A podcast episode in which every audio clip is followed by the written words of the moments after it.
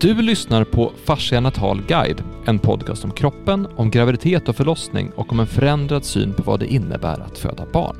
Jag heter Axel Bolin och är programledare idag. Jag sitter här med Soja Zachariasdotter och Per Johansson. Hej!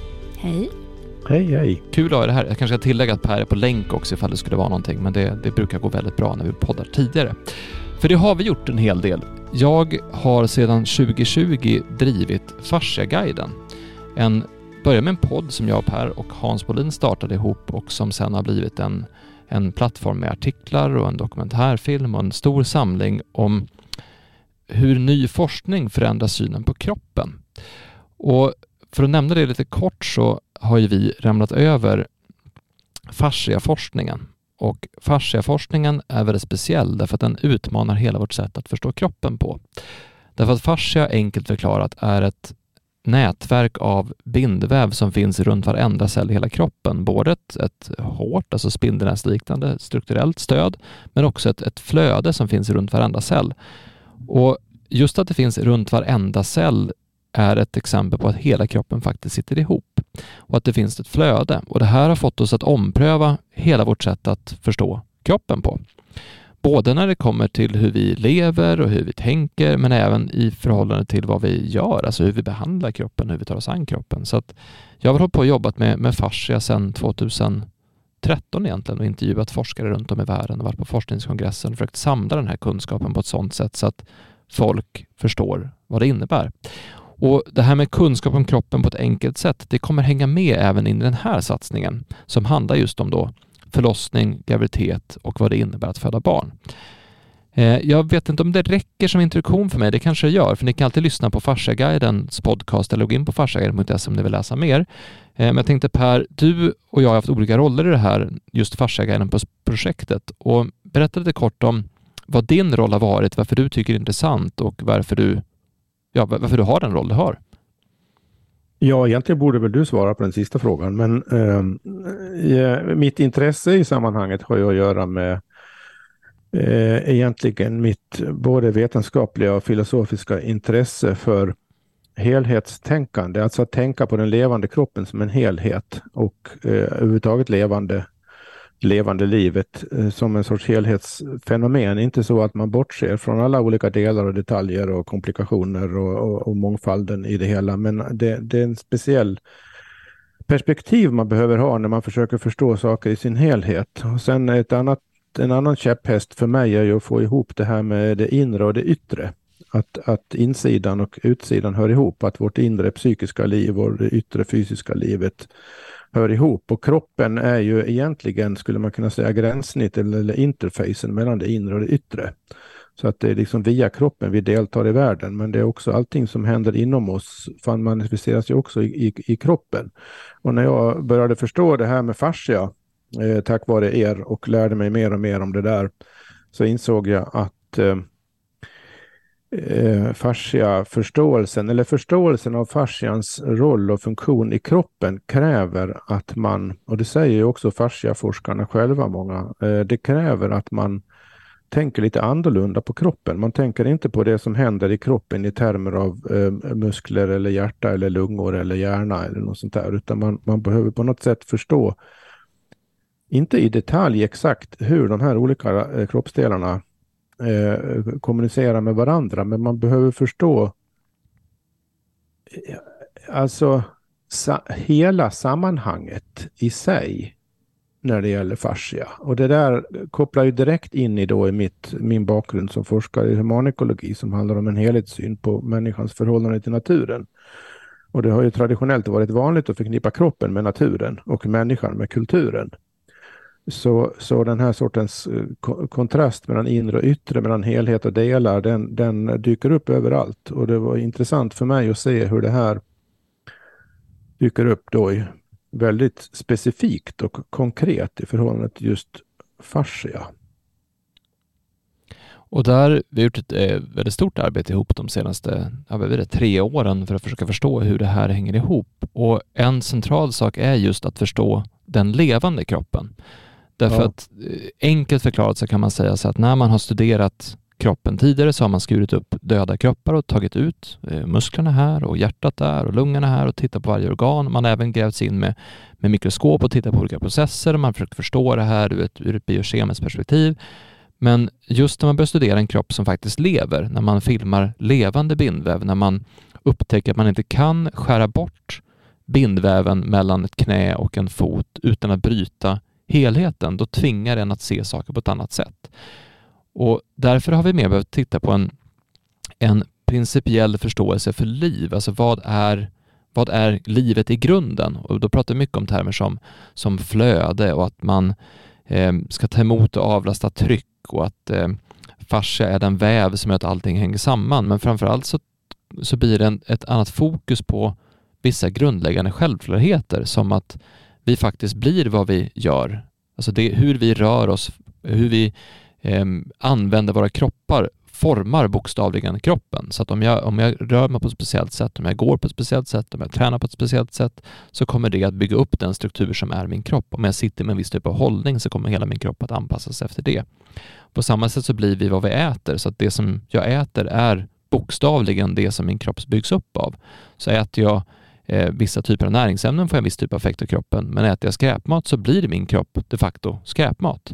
Och på samma sätt så blir vi vad vi tänker och känner, så att det finns ingen det finns inget, eh, ingen skillnad på det som händer i ens medvetande och ens tankar och ens känsloliv och vad som faktiskt händer i kroppen. Därför att blir jag till exempel stressad så kommer känslan av stress att sätta ihop, sätta igång olika processer. Dels olika hormoner, det kommer bygga om olika strukturer, det kommer frigöra olika ämnen, det kommer spänna vissa eh, muskler, det kommer att stänga ner vissa system, aktivera vissa andra system. Så att när vi utsätts för saker så har det en direkt påverkan på vår fysiska kropp. Och på samma sätt så blir det de miljöer vi befinner oss i. Så att är du i en bullrig storstad så upplevs det på ett annat sätt och påverkas på ett annat sätt än om du är till exempel i en skog. Och med det här som utgångspunkt så ska vi komma in på, på dig Soja. Därför vi pratade ju om det här i din podd i december 2022 och kom fram till att det här är jättespännande just med fascia, men framför allt är det spännande att ta sig an ett ämne som ja, vi alla har en väldigt stark passion för och det är förlossning och graviditeter. Jag kanske ska säga då att bakgrunden till det här är att vi har behandlat gravida kvinnor. Vi har behandlat före och under och efter förlossning för att just öka det här flödet, för att öka den här avslappningen, för att avlasta det här trycket som kan bli av, eller som, som blir av att bära ett barn i kroppen och att få ut det här barnet. Och Det här är någonting som det finns en möjlighet att göra väldigt mycket här. Men syftet med den här satsningen, Fascinatal guide, är att förklara kroppen på ett enkelt sätt utifrån det här temat och det här ämnet. Och då blir den här principiella förståelsen väldigt, väldigt viktig. Ehm, med det sagt, vem, vem, vad, vad, har du, vad gör du här? Ja, eh, precis som du sa så träffades ju vi i min podcast som jag själv har haft i, i fyra år och som handlar jättemycket om att förstå. Eh, och bara lite kort om min bakgrund. Jag är ju teolog, jag är doula och jag är psykosyntesterapeut. Eh, och när vi möttes och när vi samtalade, så det går ju liksom i, i linje med att jag, det här att, att jag söker och söker, men plötsligt så var det som att jag fick en jättestor pusselbit. Eh, fascia liksom bara landade och gjorde ett avtryck och jag förstod att det här är någonting mycket större och det här hänger liksom ihop med allt det här. Och, och just när vi pratade kring födande eh, och sen så möttes ju vi och så, så drog vi igång det här projektet och det är ju min passion. Alltså det är faktiskt, jag skulle nog säga att det är min, min största passion. Det här att, att ge kvinnor kunskap och att, att skapa tillit. Men äh, ja, att faktiskt ge kvinnan tillbaka makten över sin egen kropp. Det skulle jag säga att det är min största drivkraft. Äh, och, äh, så jag känner mig mer än glad att, att sitta här och det känns verkligen som att, att det här kommer kunna göra enorm skillnad. För fascian är så, alltså jag tycker att den är så vacker och nu när jag också verkligen har fått se hur behandlingarna påverkar gravida kvinnor. Jag menar, att få bevittna den här gravida kvinnan som ligger och bara somnar så under en behandling. Eh, så det säger mig ännu mer att, att det här är liksom eh, någonting som behöver spridas och att den eh, gravida kvinnan och den kvinnan som ska föda behöver den här kunskapen. Eh, och, och, som sagt, och med bakgrund, för jag har ju varit med på ganska många förlossningar då i mitt arbete som doula. Jag ska tillbaka till det här med, med, kunskap om kroppen på ett enkelt sätt. För vi har gjort alltså, över 100 timmars podcastinspelning om ett enda ämne, vilket är fascia. Och då var det någon som frågade mig, hur kan ni prata i 100 timmar om ett ämne? Och jag sa, vi kan säkert prata i 100 timmar till.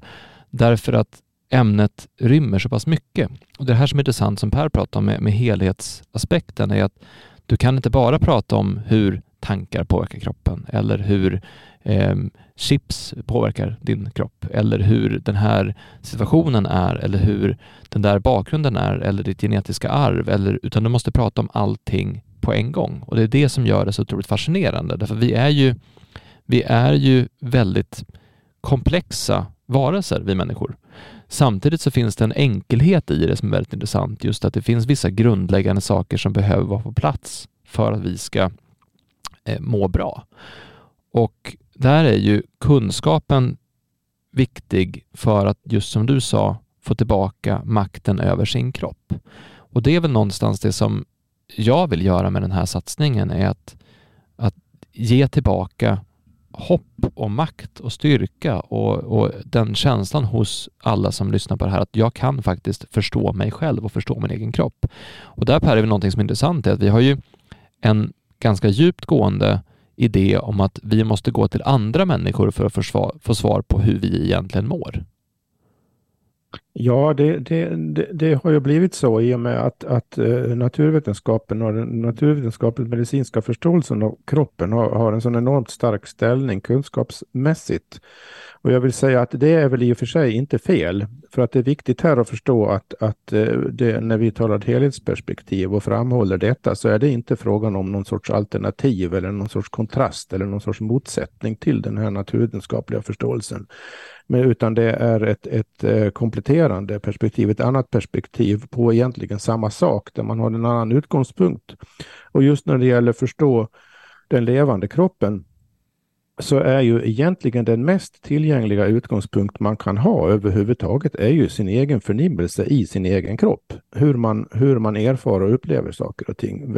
Alltså själva ordet konkret, upplevelse, erfarenhet, allt det där är ju kroppsbaserat. Och vem, vem känner det starkast om inte en själv? Så att om man, om man börjar överflytta för mycket till eh, auktoritet så att säga och förstå, förmåga till att förstå och förklara. Man flyttar över för mycket av det från sig själv, från sin egen potential till experter av olika slag. Så eh, eh avhändar man ju sig en, en, en kunskapsgrund egentligen som man har tillgänglig hela tiden och man avhänder sig ju lite ansvar på något sätt. Och också eh, Eh, nu är det ju så att det är inte särskilt enkelt, det har vi talat om i något program i Fasciaguiden, det är inte särskilt enkelt att lära sig och att verkligen med god urskiljning förstå sin egen kropp. Det kräver en, en träning och en eftertanke och jäm, jämföra. Man får experimentera vad som händer i olika situationer, vad man äter, vem man träffar, allt möjligt. Poängen är att lära sig och, och, och, och känna känna själv hur, hur, hur saker och ting känns och ha det som en sorts kriterium för vad som passar, passar mig. Inte på någon sorts isolerat eh, subjektivt sätt, men liksom i medvetenhet om, om hur saker och ting samverkar hela tiden. Och just den sortens förståelse är ju misskänd, skulle jag nog säga, i vårt samhälle. Vi har någon sorts nästan automatisk tendens, och vi skolas på sätt och vis in i det också, att snarare lyssna på eh, personer med, med, med någon vetenskaplig kompetens. Eh, och så ska man översätta det då. Låt oss säga att någon, någon forskare säger att de och de ämnena i kroppen, de och de hormonerna, de och de signalsubstanserna har de och de effekterna. Ja, det där kan man ju läsa och höra i tv och radio. Och så ska man på något sätt översätta det till sin, hur känns det för mig det här då? Hur ska jag förstå hur serotonin, serotonin fungerar för mig? Det finns ju bara ett svar på det. Det är att man, det kan man inte läsa sig till, det kan man inte lyssna sig till. Det måste man ju känna, känna efter själv då egentligen. Hur mår jag? Hur reagerar jag? Så att det, det och, och det är en, är en typ av kunskapsgrund som jag känner behöver komma mera i, i förgrunden när det gäller att förstå sin egen levande kropp och när det gäller eh, en helhetsförståelse av sig själv. Inte nödvändigtvis isolerat utan man kan ju tala med andra om det här och byta erfarenheter såklart. Men det, det är den här skillnaden i kunskapsgrund som är, är, är, väsentlig och att det inte finns någon motsägelse. Ibland kan man ha väldigt nytta av de här teoretiska och mera detaljerade fysiologiska kunskaperna som expertisen på det hållet sitter på. Men att bara utgå från det blir lätt fel. Man liksom förlägger livet utanför sitt eget liv på något sätt. Förståelsen av det utanför sig själv. Där är någonting som inte är riktigt rätt. Och På samma sätt så har vi en tendens att gå åt ett annat håll och det är att vi då lär oss att förstå hur saker fungerar, hur kroppen fungerar, vad som är bra för oss och så blir det här måsten och krav och saker vi måste ha koll på och så skapar det en form av, av stress och missnöjdhet över att jag vet nu att jag borde äta på det här sättet eller röra mig på det här sättet eller tänka på det här sättet eller jobba på det här sättet eller jag måste göra allt det där och där och där för annars kommer det inte funka för mig och så blir det en stress i sig. Så vi har, en, vi har en tendens att både döma ut oss själva i termer att vi inte tror att vi vet någonting, att vi måste fråga någon form av expert kring det. Och vi har också en tendens att döma ut oss för att vi inte duger i det vi gör. Och jag tycker det är viktigt att sätta de här grunderna först i hur vi ser på det här, för det handlar egentligen om att väcka en nyfikenhet i mig, att jag ska vilja förstå vem jag är och hur min kropp är och vad, vad det här innebär ihop. Samtidigt som jag inte får döma mig själv för att jag är det jag är, för att du är ju, du är ju där du är just nu. Och du har ju varit med om en massa olika saker som har lett till att du är på den här punkten. Och då blir ju snarare viljan vart du vill viktig. Så att vad har du för ambition? Vad vill du för någonting? Vad finns det för nyfikenhet kring det? Är viktigare än att fastna i vad man har gjort eller vad man är fast i. Och med det sagt så, så har vi, du, du berättade om ett exempel på när du själv såg skillnaden mellan att ha, att föda barn, om man säger så, du hade ju kunskap, men, men utan kunskap mot att ha mer kunskap då, eller med begränsad kunskap och förståelse jämfört med mer förståelse. Mm. Ja, och exemplet är ju då eh, när jag födde mitt första barn. Och det var absolut en fantastisk upplevelse. Det vill jag inte säga att det inte var. Uh, och uh, ja, men jag, jag kommer ju ihåg allting som, som igår. Men skillnaden mellan min första och min andra förlossning var att jag hade, jag hade verkligen ingen kunskap om min kropp mer än att, att det jag hade fått via min barnmorska och de samtal och, och liksom, jag hade ett förlossningsbrev med mig in och trodde att jag var ganska påläst och hade läst på men jag hade, hade inte den här liksom djupare kunskapen om hur mycket en, jag själv kan göra bara genom enkla övningar. Um, och det uppstod också, jag, jag, är ganska övertygad om att jag har en förlossningsskada från eh, första förlossningen för att jag har liksom haft eh, fysiska men. Men jag, jag, kommer ihåg så väl liksom känslan hur jag kämpar emot hela tiden. Eh, hur min kropp, alltså jag gör allt det där som jag inte gör i förlossning två. Därför att jag har fått till mig att Alltså det är en enorm skillnad, att eh, bara, bara som ett exempel, att pröva att sitta på en stol och andas och så säger du nej. Va, va som, alltså, eh, energin i kroppen är så, liksom, den blir så hård och motsägelsefull. Medan så fort du säger ja så blir det liksom en, en, en helt annan energi. Och energin går ner liksom, mot, mot ditt underliv. Liksom. Så det blir som ett, ett rung, en rungande energi liksom, ner. Uh, och jag har varit med om det sen som dola flera gånger. Alltså jag har liksom fått även barnmorskor och liksom klapp, klappa på den födande och vi alla tillsammans bara ja, ja. Alltså så här, hur, hur energin bara, ja, det är jättehäftigt. Och när, när jag får till mig, jag får den här kunskapen, eh, alltså jag har ju som sagt försökt läsa på en massa då till eh, barn två. Men jag får en bok i min hand som heter Föda utan rädsla och jag kommer också i kontakt med Susanna Heli. Eh, och via det så kommer jag också i kontakt med en massa grupper. Så att när jag vaknar då på natten med eh, min eh, son då, som ska födas, Moses, eh, och hur jag bara Alltså det, det, känslan i kroppen den är, den är helt väsensskild mot förlossning ett. Och jag kommer ihåg när jag, liksom, hur jag andas, andas och när vi åker in. Och där är den där stora skillnaden. Jag kliver liksom innanför tröskeln där på Danderyd och tar tag i en eh, sån här ja, stång, gång, gåstång där. Och så bara slappnar jag av liksom, och låter mina axlar sjunka så, här, så visuellt bara så ner mot jorden. Och där var det som att jag kommer in i ett helt annat rum. Uh, och efter det så är förlossningen som en dans bara. Uh, och jag kommer ihåg också när jag sitter ner på den här pallen och jag möter barnmorskan och jag liksom bara andas ut honom och hur hon tittar på mig och säger att om alla födde på det här viset så skulle vi barnmorskor inte behövas. Och Det är liksom hennes första ord till mig när han har kommit ut. Så. Um, och efter det så vill jag bara hjälpa andra kvinnor. För jag fattar liksom att jag har eh, förstått någonting. Eh, och eftersom jag också har den erfarenheten av att på något sätt jobba emot min kropp genom att liksom spänna mina axlar och eh, alltså jag, vill, jag ville ju att min dotter skulle komma ut. Men min kropp jobbade ju inte med mig. Alltså för att jag, vi, vi jobbade ju emot. Uh, eh, ja. Och där, det, för mig är det liksom, det ögonblicket när jag förstår att, att det är någonting som, som vi behöver hjälpa, alltså jag vill hjälpa till att vara den här bron över till den här kunskapen. Och det finns ju hur många fantastiska människor där ute som helst som, som är de här brobyggarna. Men det är min ingång. Så. Mm. Jag tror att det är en, en, sak som är viktig att förstå här. Därför man kan ju höra din berättelse och tänka så här, åh gud vad häftigt och fantastiskt, men, men det där skulle aldrig funka för mig, eller det där gäller inte så, eller det där, det där måste ju varit si och så. Men det intressanta med det du säger är att lösningen, det var någonstans att du jobbade med kroppen istället för att du jobbade mot kroppen.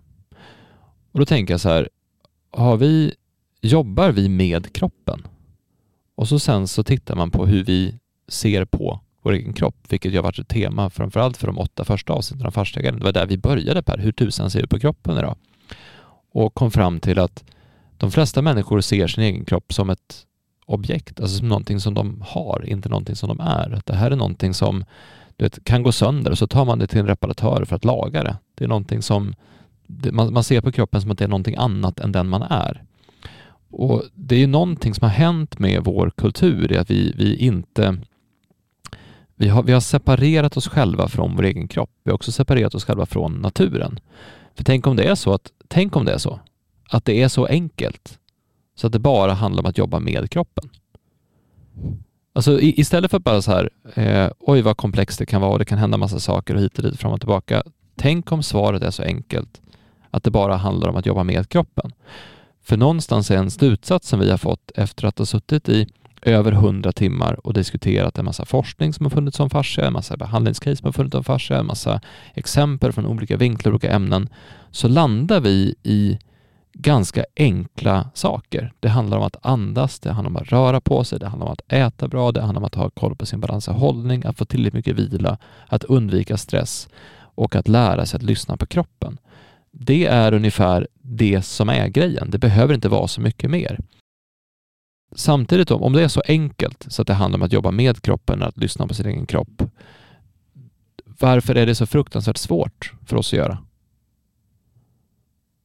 Ja, det är väl eh, nyckelfrågan, verkligen. Eh, väldigt generellt så eh, kan man ju säga om vårt nuvarande samhälle här i Sverige och väst generellt i stor utsträckning att vi utgår från hur vi tänker för mycket eh, och, och, känner för lite egentligen. Det vill säga vi placerar, som jag antydde nyss också, vi placerar auktoriteten för att förstå någonting i att tänka rätt och veta rätt. Eh, snarare än att känna efter hur det egentligen, egentligen känns. Så det där är en allmän eh, kulturell tendens en lång tid tillbaka. Och det, eh, på ett filosofiskt plan så handlar det om att väldigt mycket av hur vi organiserar saker i samhället och därmed hur vi tänker på saker och ting. I allt från skola till sjukvård och annat är liksom organiserat efter principen att man skiljer på det inre livet och det yttre livet. Och när man gör en sån skarp uppdelning som man har gjort i vår kultur så hamnar kroppen, som ju är ett fysiskt fenomen, också, måste man ju tillägga då. Men alltså vi ser kroppen som ett fysiskt fenomen och då kommer kroppen att räknas som en del av yttervärlden. Eh, och det betyder ju då att om man och, och, då kan man ju fråga sig, vem, var, var, är jag då? Min egen upplevelse av mig själv, liksom hur, hur tillvaron känns för mig. Eh, själva, ja, min, min, min, min värld, mitt liv, var, var är det då? Det är ju liksom in, inne i huvudet på något sätt tänker vi oss. Va? Vi tänker oss ju inte ens att jag är i hela kroppen, utan vi tänker oss gärna att vi är, vi, jag är här uppe i huvudet, eh, där jag tänker. Vi tycker att vi tänker i huvudet och inte någon annanstans.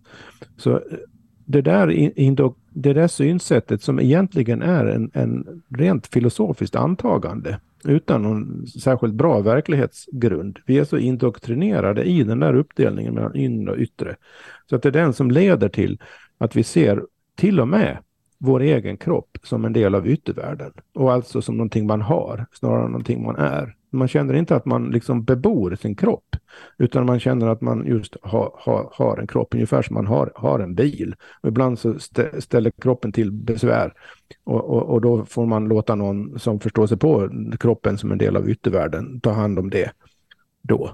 Så det här hänger väldigt mycket ihop med det jag sa innan, va? att vi har någon sorts grundläggande, inte bara missvisande, utan vågar jag säga direkt felaktig eh, livsuppfattning som, som grund här. Och den är institutionaliserad i samhället på olika sätt, i ämnesuppdelningar, i hur sjukvården är organiserad och så vidare. Så har du, har du problem med det som du uppfattar som ditt inre, ja då får du gå till psykiatrin eller en psykolog. Har du problem med någonting som du uppfattar som det yttre, ja då får du gå till en ortoped eller en neurolog eller någonting som studerar hjärnan då, som fysiskt fenomen och inte som någonting som du är i och det här är ju väldigt djupt rotat i hela vårt sätt att se på saker. På samma sätt så när vi då pratar om kroppen, vi lär ut hur kroppen fungerar, då pratar vi också om det som hur kroppen fungerar, kroppen med stort K, som att alla kroppar är exakt likadana. Och det här, det här är så djupt rotat i oss att vi som då ägnat över hundra timmar åt att prata om att det är på ett annat sätt fortfarande gör så. Vi pratar fortfarande om nervsystemet som att nervsystemet fungerar på ett specifikt sätt och inte om att allas nervsystem faktiskt fungerar olika. Så vi, vi har en, en idé om att en kropp är alla kroppar och att alla är likadana. Och det här gör ju det du beskriver väldigt annorlunda. Att du faktiskt tar ett djupt andetag och säger ja och känner vad som händer i din kropp. Därför det blir ju väldigt, väldigt här och nu för dig och din kropp. Och och där tror jag vi har en, en, nyckel till att förstå vad som är lite tokigt med hela vårt sätt att se på, ja, såväl kvinnokroppen i sig, men även, även graviditet, förlossning, alltså födande i allmänhet. Att vi, vi har som fastnat i att det måste, vara en, det måste finnas en teoretisk förklaring till exakt hur det här ska gå till. Samtidigt som vi såklart kommer ge en teoretisk förklaring till att allting går till, för vi är ju vi är också en del av den här världen. Men innan vi gör det så, det, det har inte alltid sett ut så här.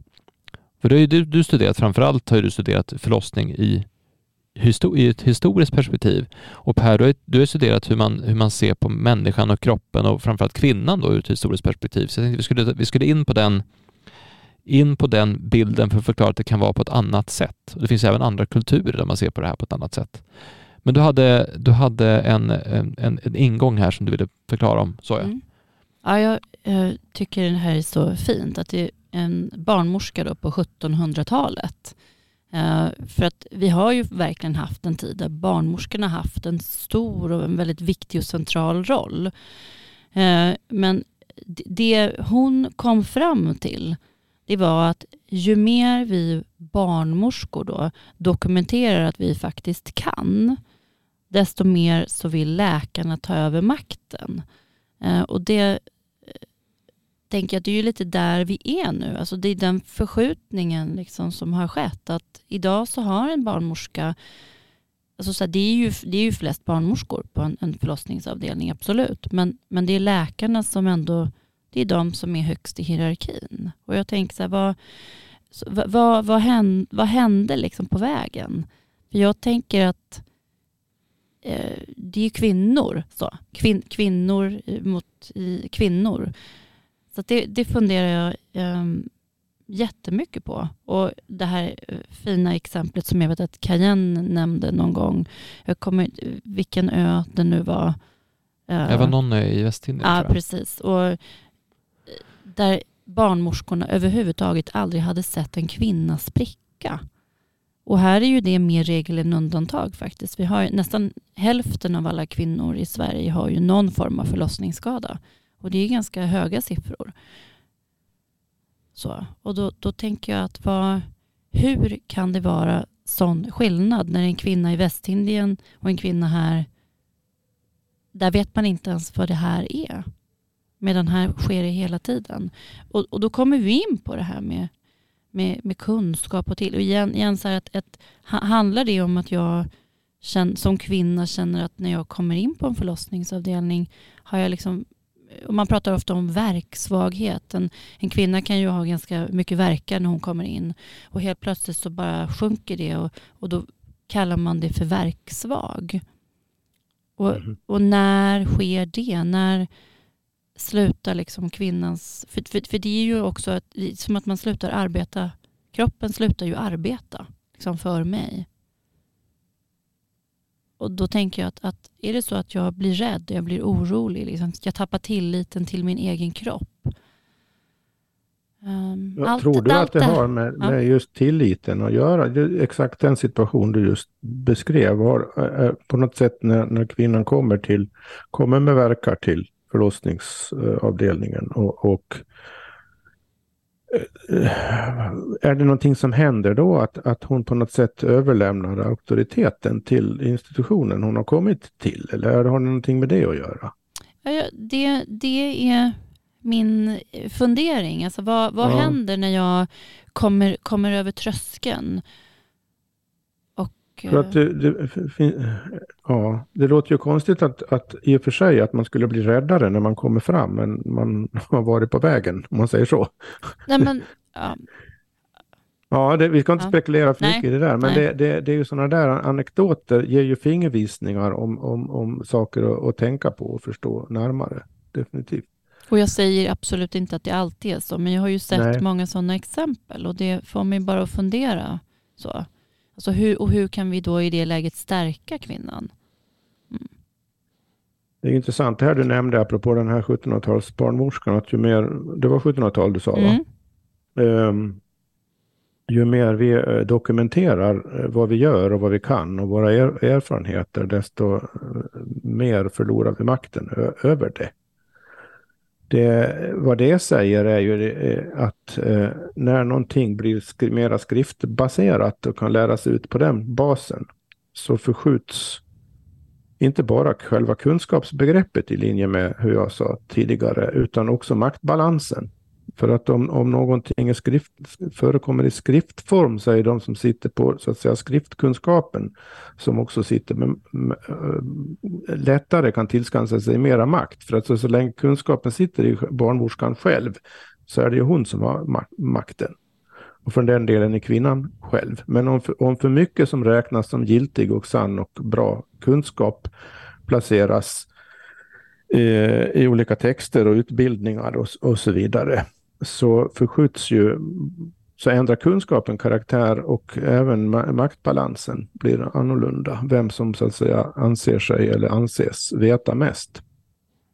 Jag tror det är viktigt, att stanna till och, och förstå var, hur, vilken effekt olika typer av artefakter har på oss. Alltså vilken effekt olika typer av uppfinningar eller sätt att göra saker på. Om du tar till exempel sen vi införde eh, smartphones så har vi ju slutat ha en viss typ av samtal. Vi sitter ju aldrig och debatterar längre ifall eh, eh, det var si eller si eller så, för då googlar man bara upp vad, vad svaret är istället och så avslutar man den diskussionen. Så man har en annan typ av diskussioner på, på ett annat sätt på grund av att den har kommit.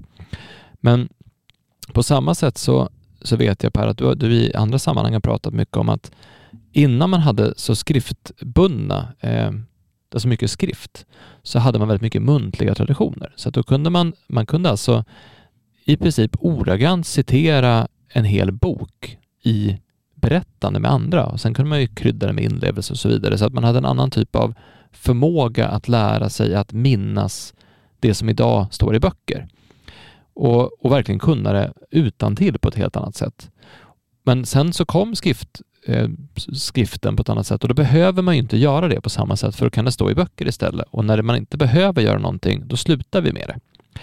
Och på samma sätt så, så om vi då har slutat att berätta saker med ord och istället har det i böcker, eller vi har slutat söka upp historier och kunskap för vi har det på en telefon, eller vi slutar med en viss typ av... Vi, vi, vi har till exempel ingen kunskap idag eller jag till exempel har ingen kunskap idag om hur man gör mat. Alltså inte hur man lagar mat, för det är jag ganska bra på, men hur man, hur man odlar mat. Men för hundra år sedan så kunde de flesta någonting om att anskaffa sig mat. Alltså man kunde fiska, man kunde jaga, man kunde odla för att, vad var det, typ 90 procent av befolkningen behövde göra det för att överleva. Men idag är det väldigt få som, som vet det, förutom de som har det som kanske som ett hobbyintresse och då, då förändras ju kunskapen på det sättet också. Med det sagt så, när man då inte har kunskapen på det sättet, då bor den ju inte i kroppen på samma sätt och man använder den inte på samma sätt. Och det intressanta som slår mig nu, det är att jag har försökt förklara eh, varför dålig hållning gör att folk får olika typer av problem. Och Det är ju väldigt svårt att beskriva i textform. Det är väldigt svårt i textform att förklara att har du eh, axlarna längre fram så kommer det påverka utrymmet som lungorna får att andas och det kommer påverka hela din andning och din andning i sin tur kommer påverka eh, blodet och blodtillförseln, cirkulationen, det kommer påverka de andra organen, det kommer påverka nervsystemet, det kommer påverka förmågan att byta mellan lugn och eh, upp, uppgasad. Liksom. Och det där kan ju liksom förklara, visserligen så här nu som i tal, eh, det är svårare att förklara i text, det är superenkelt att förklara det om jag kan visa upp det. Om du kan stå och titta på mig medan jag förklarar det här så, så landar det på en gång. Så att förklara balans och hållning eh, visuellt, alltså med gester, är mycket, mycket lättare så att folk förstår det på ett annat sätt än att förklara det i skrift. Och Vi säger då att vi hade en annan tid där kunskapen om hur man föder barn var någonting som kvinnor i gruppen, kvinnor i byn, kvinnor i samhället kunde visa Andas du så här så händer det här. Men andas du så här så kommer du göra så här och så ser man det på ett annat sätt. Då blir det mycket lättare för den som ska föda att förstå det. Dessutom säger det av en person som då har gjort det förut förmodligen eller har sett massa olika, som har erfarenhet av många olika fall och många olika. Så att det här med att makten flyttas till läkarna till exempel, så det är inte bara det utan, utan även kunskapen och hur kunskap förmedlas flyttas från den som hade kunskapen. Och Det där tror jag har en jättestor betydelse för hur, hur vi förstår vad vi lär ut. Alltså att vi, att vi kan gå direkt via kroppen och direkt via någonting som händer än att gå via en bok eller via en teori eller via en studie. Och Det där måste ha en jätteeffekt på hur vi föder barn idag. Ja, alltså jag är ju övertygad om det. Um, för jag, jag satt och tänkte precis på här att, att han, att vilket hantverk. Att vara en barnmorska är ju egentligen ett hantverk. Mm. Eh, och väldigt hands-on. Alltså det är ett väldigt fysiskt jobb egentligen. Alltså så här, det, eh, och Ja, nej men jag, jag, och det blev så tydligt för jag var ju här på en kurs häromdagen på fascia. Och eh, det var ju väldigt hands-on hela den dagen att liksom ta på kroppen och lära sig att känna och så tänker jag, det, det skiljer sig ju ingenting från att vara barnmorska egentligen. Och, och just det här att varje person är unik. Alltså så här, ja, du kan ju lära dig en massa saker när du läser, men du är fortfarande, jag ska ju fortfarande möta den födande kvinnan. Och, och, det är ju genom erfarenhet som jag kan hjälpa varje person. För nu hör jag, men nu låter det så här. Liksom, hur, kan, hur kan jag... Och det känns som att den går ju lite förlorad när vi liksom flytt, flyttar upp för mycket i huvudet. Jag har så bra, jag bor um, på vägen hem så kör jag alltid förbi eh, barnmorskehuset. Så i en skarp kurva så ligger ett, ett hus jättenära vägen. Så står det barnmorskans på det. Och det var liksom sista barnmorskan i det här lilla samhället och hon bodde där tills kanske för 30 år sedan. Så jag tänker så här, wow, här fanns en barnmorska som faktiskt hjälpte folk. Liksom. Och det var det huset som så generationer av barnmorskor har bott i. Så att någonting har ju gått förlorat? Liksom, och hur kan vi så, implementera det i samhället? Ja, det, är, det är ju inte bara texten som har kommit emellan här. Så att säga. Det börjar ju där. Om man tittar på det historiskt, som jag har gjort mycket, så börjar just att börja eh, för, förflytta auktoritet till text snarare än till mm, personlig erfarenhet är, är ju en sorts in, in, begynnelse av den här artificiella ten, tendensen. Alltså, jag ska inte gå in för mycket på det, men jag säger så här, om man, om, om man föreställer sig ett, ett, ett sjuk, modernt sjukhus idag, en förlossningsavdelning, som en del där då, eh, är ju, behärskas ju kan man säga av en enorm massa mätningar och apparatur av olika slag som eh, används när det behövs och kanske ibland när det inte behövs också för den delen. Eh, men hela eh, alla kunskaper som är knutna till användningen av teknik har en väldigt framträdande roll. Och det är ju en helt annan sorts kunskap då. Det är ju en, sorts, en, en mer, mycket mer indirekt kunskap om kroppen via teknik, via mätningar, via olika ingreppsmöjligheter. Det är en annan det, det, det, är så att säga en teknisk eh, utanför en självkunskap på ett sätt, även om man behöver naturligtvis lära, den som använder teknik behöver lära sig använda tekniken.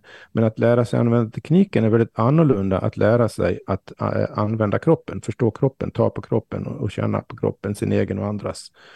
Det, det, det är två väldigt eh, annorlunda förståelser. Så, så, så mera ju mer tekniskt eh, fokuserat olika moment i det här som händer med en när man ska föda barn har blivit, desto mer fjärmat har det ju också blivit. Eh, ofta helt oavsiktligt kan jag tänka mig. Alltså det finns ju ingen ond vilja här och, och utan men det, det, är någonting med själva tekniktillgängligheten och teknikanvändningen i sig som lätt eh, förför en, eller vad man ska säga, att inte ha samma tillit till eh, någonting som är väldigt naturligt.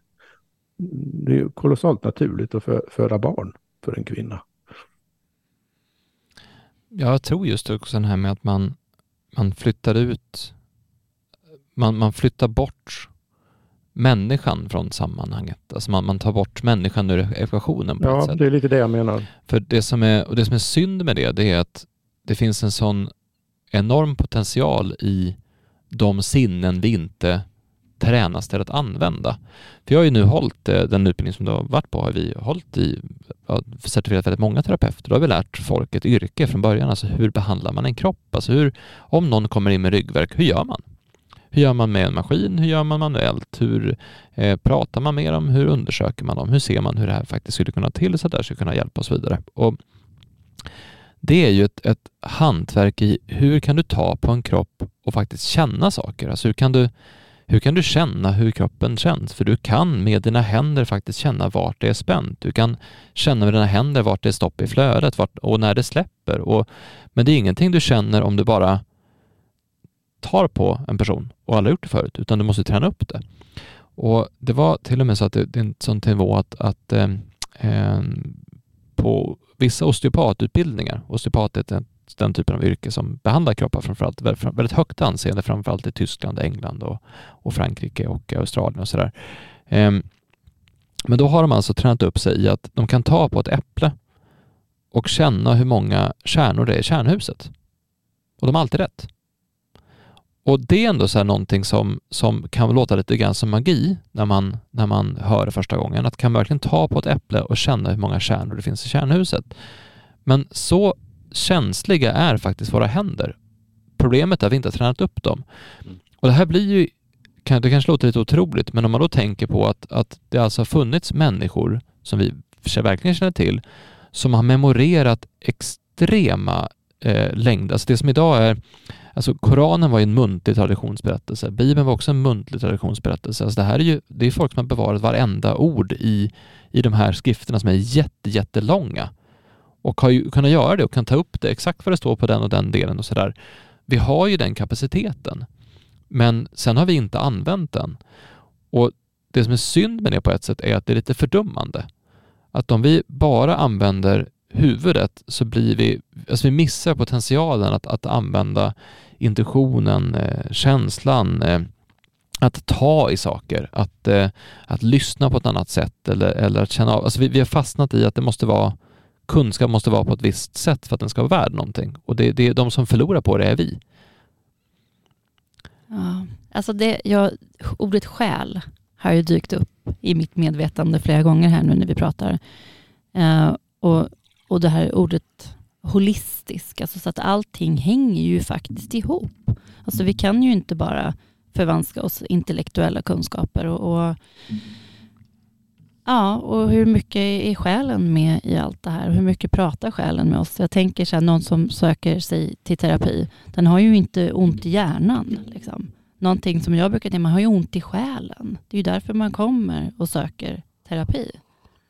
Ja, utifrån ett helhetsperspektiv på kroppen och eh, att inte göra någon radikal skillnad mellan inre och yttre så kan man ju säga så fort man börjar tala om själen så blir det på sätt och vis en definitionsfråga. Eh, jag skulle vilja säga då att själ är ett bra namn på eh, att, att, att det inre och det yttre hänger ihop. För att om, om, om, du, om man tänker på sig själv som en levande själ så om man är lite för, tänker på det för intellektuellt så tänker man sig sin själ som bara någon sorts ren inre upplevelse utan kroppslig förankring, utan kroppsligt in, in, in, intryck. Och det är ju det, det, är det som har... Det är ju en effekt av den här eh, uppdelningen, dualismen jag pratade om innan. När man delar upp det inre och det yttre, psyke och kropp eller kropp och själ. Man delar upp det. Men om man inte delar upp det så går det ju inte att dra någon gräns. Då, då, då går det inte att säga, ja men det där är kroppsligt, men det där är själsligt. Utan allting är kroppsligt själsligt hela tiden, eller kroppsligt psykiskt. Det spelar ingen roll vilka termer man använder alls egentligen, för att poäng, poängen är att hur saker och ting känns, känns alltid i kroppen, även om det verkar vara abstrakt. Även tänkare, även, även alltså tankar. Låt oss säga att du sysslar med matematik, det mest tankefokuserade man kan tänka sig kanske. Det gör man ju i sin kropp och man, man, man känner också, man känner av, när man tänker på teoretiska saker, så känner man av i kroppen när någonting stämmer. Man får en aha, ah, aha, Just det, så är det ju. Man kan nästan rysa när det är riktigt stora aha. Så liksom bara för att någonting är kategoriserat i vår kultur som något abstrakt så betyder inte det att det är ofysiskt eller okroppsligt. Men det är, det är förnimbart på olika sätt. Det är det vi håller på med hela tiden, hela dagarna, förnimmer en massa. Och det spelar ingen roll vad vi, vad vi gör. Och det, det som är illa är att vi har, som, som Axel har påpekat, vi, har, vi får inte lära oss. Det är inte en naturlig del av, av, av bildningen, utbildningen i vårt samhälle, att lära oss att urskilja eh, olika förnimmelser och vad de betyder. Förnimmelse är ju kroppsliga känslor alltså alla känslor har ju, har ju den här, har, sitter ju någonstans i kroppen, har med kroppen att göra. Så att, att vi talar om kroppen så mycket nu, det, beror, det, det, det är inte någon sorts kroppsfixering i någon modern mening alls, utan det handlar precis lika mycket om, om, om hur vi upp, bokstavligen upplever tillvaron. Vare sig vi kallar det inre eller yttre, för det hänger alltid ihop. Jag vill plocka in det här ordet tillit igen, för det som ja. dyker upp, jag lyssnade på en podcast med Gudrun Abascal och då så, så nämner hon att det hon tycker sig se det är att, att förlossningsvården inte heller har tillit till den födande kvinnan längre. Så att om vi vänder på det och så fick jag liksom upp bilden av, jag är uppvuxen på landet med djur och jag, menar, jag har sett ett antal kullar kattungar födas, hundar, hästar, kalvar. Och där har vi ju en sån enorm tillit. Liksom. Och vi lämnar det födande djuret i fred. framför allt. Eh, och jag har ju studerat massor med förlossningsfilmer sista tiden där barnmorskor, det är en helt annan typ av barnmorskor som verkligen backar och lämnar kvinnan. Och det är så, alltså jag har en, en film på näthinnan, det är så vackert och där jag själv känner att jag nästan liksom skulle vilja hjälpa till men barnmorskan bara titta på mamman, titta på mamman. Och jag blir så rörd för det är så vackert. För att kroppen, hennes kropp kan. Hennes kropp har förmågan. Och de ger mamman tid att föda. Ja, tillit är nyckelordet för att förstå rätt allt det här jag har sagt nu som kanske för vissa kan låta lite filosofiskt abstrakt. Men alltså det handlar vad, vad, vad, vad som är nyckeln till att eh, förstå vad jag har menat här nu. Det är faktiskt, det är fint att du tar upp det så, ja, eh, ordet, begreppet tillit, vad det innebär. För att allt jag har sagt handlar om var man placerar tilliten. Placerar man tilliten i sin egen kropp eller hos någon som också har en, en eh, kroppsbaserad förståelse av saker och ting och insikter. Placerar man tilliten där eller placerar man tilliten i någon formell expert eller i någon apparatur eller i någon text?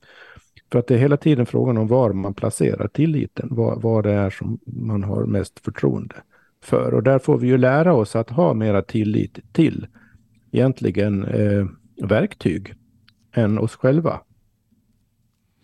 Ja, det är där som jag någonstans vill, varför det här blir, varför det blir så, så stort ihop egentligen. För att man, man får inte lära sig då hur man ska förstå sin egen kropp eller ha tillit till sin egen kropp eller lyssna på kroppen. Men vad får man då lära sig?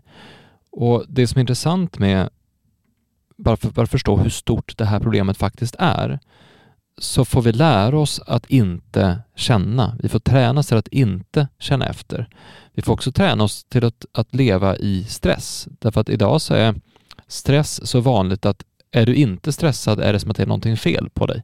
Så, så, så, mycket, så mycket stress är det i vårt samhälle idag.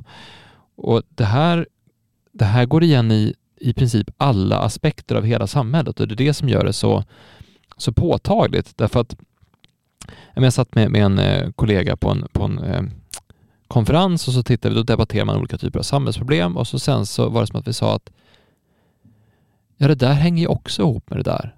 Så att problemet är väldigt, väldigt stort men egentligen är det inte så komplext, för det handlar om att vi måste se saker på ett annat sätt. Vi måste känna på ett annat sätt. Vi måste lägga vår tillit någon annanstans. Och det är någonstans en kärna för att förstå hela problematiken med det moderna samhället, vad, vad det är som vi inte gör idag. För det är, det är någonting det är någonting som är riktigt tokigt med hur vi behandlar varandra och hur vi behandlar vår omvärld och hur vi har byggt upp allting. Det är någonting som inte stämmer. Det, det, det finns en anledning till att det är så mycket psykisk ohälsa. Det finns en anledning till att 50 procent alltså får en förlossningsskada. Det här är inte bara ett, ett förlossningsproblem, det här är ett problem för samhället i stort. Vi är fruktansvärt stressade idag. Varför då? Men... Ja, det du, det du säger här, det, det, det hänger ihop med, med eh, just att, att eh, den här uppdelningen vi gör hela tiden.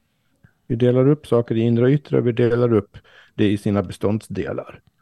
Det är det tydligaste överhuvudtaget man, alltså att man behöver bara komma till ett stort sjukhus och titta på tavlorna som pekar hit och dit vad olika avdelningar är så förstår man att eh, när man har kommit dit så har man blivit uppdelad i sina olika organ. Man är inte längre en hel levande människa.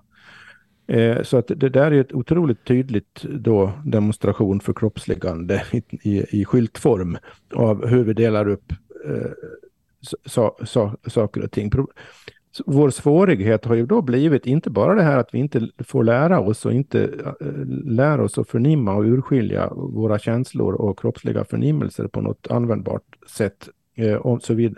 Alltså många lär sig ju det i mera specialiserad form om man utövar någon idrott eller man utövar någon annan kroppslig disciplin av något slag så lär man sig ju liksom delar av det där. Men man, eh, för det sammanhanget, men man lär, man lär sig ju egentligen inte Eh, på ett sätt som eh, täcker in det mest vardagliga saker. Och, och, och det, det, är väldigt viktigt att förstå då vad det här kräver tankemässigt.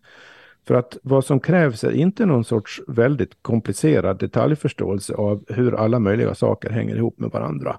Utan vad som krävs är att man förstår och uppmärksammar vissa, som du har nämnt flera gånger vid det här laget Axel, vissa grundläggande principer.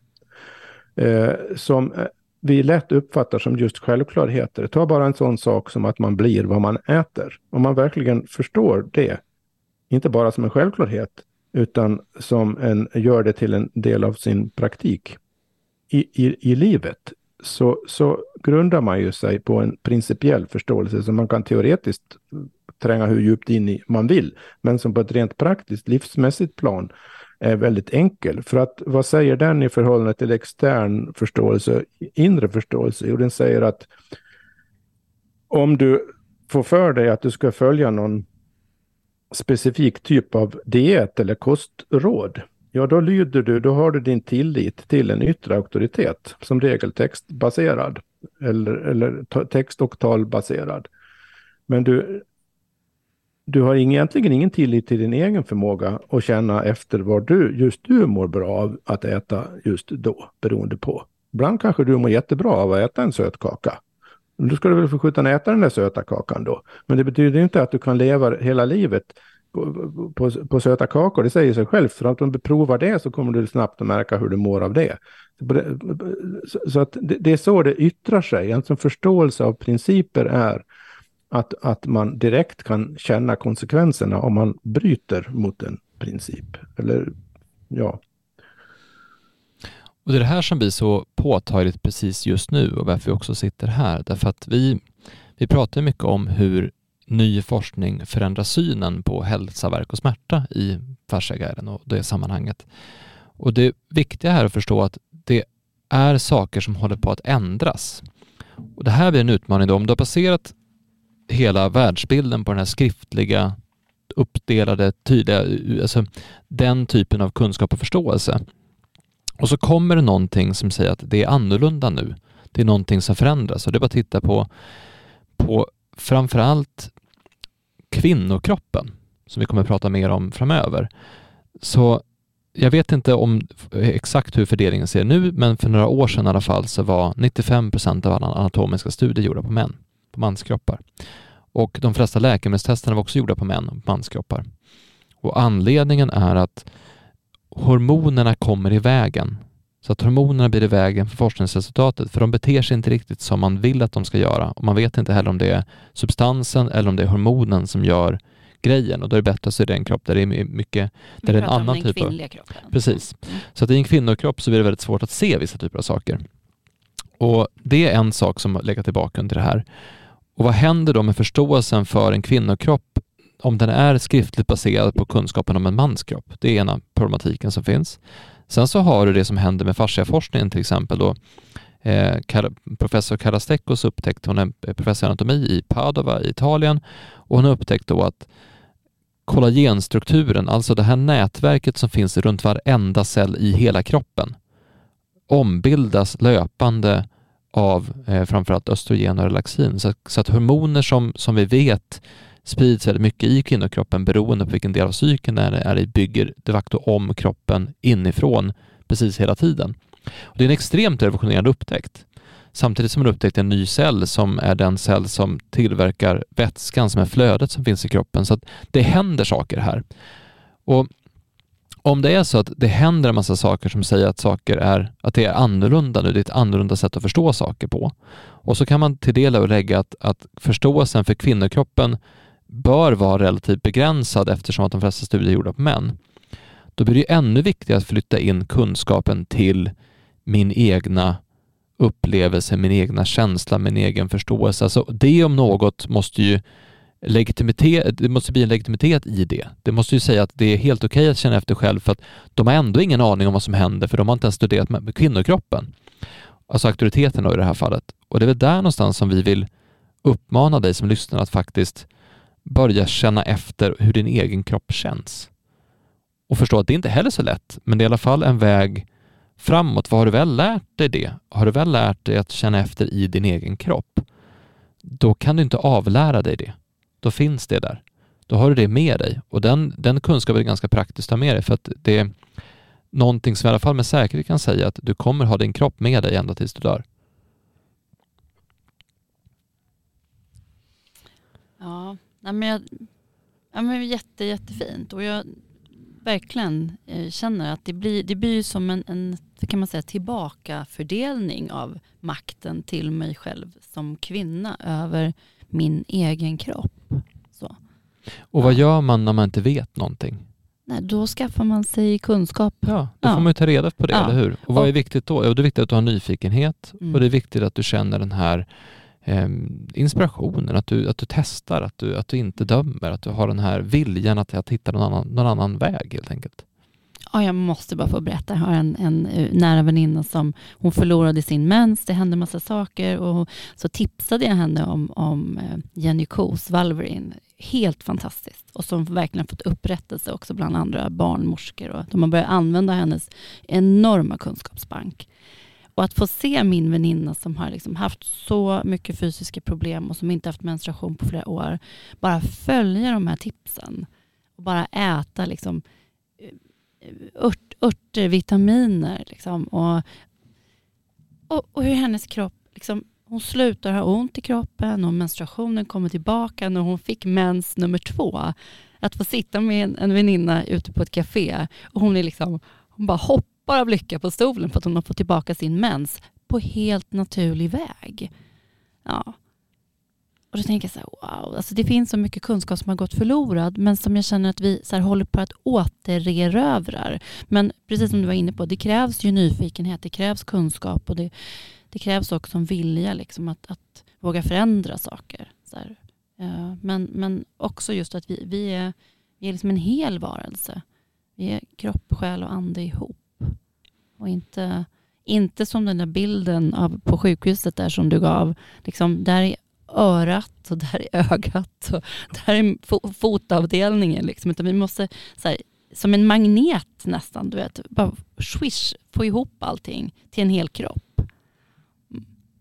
Ja, det är väl det vi, vi hoppas på att göra även i när det kommer till det här. Alltså när det kommer till kvinnokroppen, när det kommer till förlossning, när det kommer till graviditet.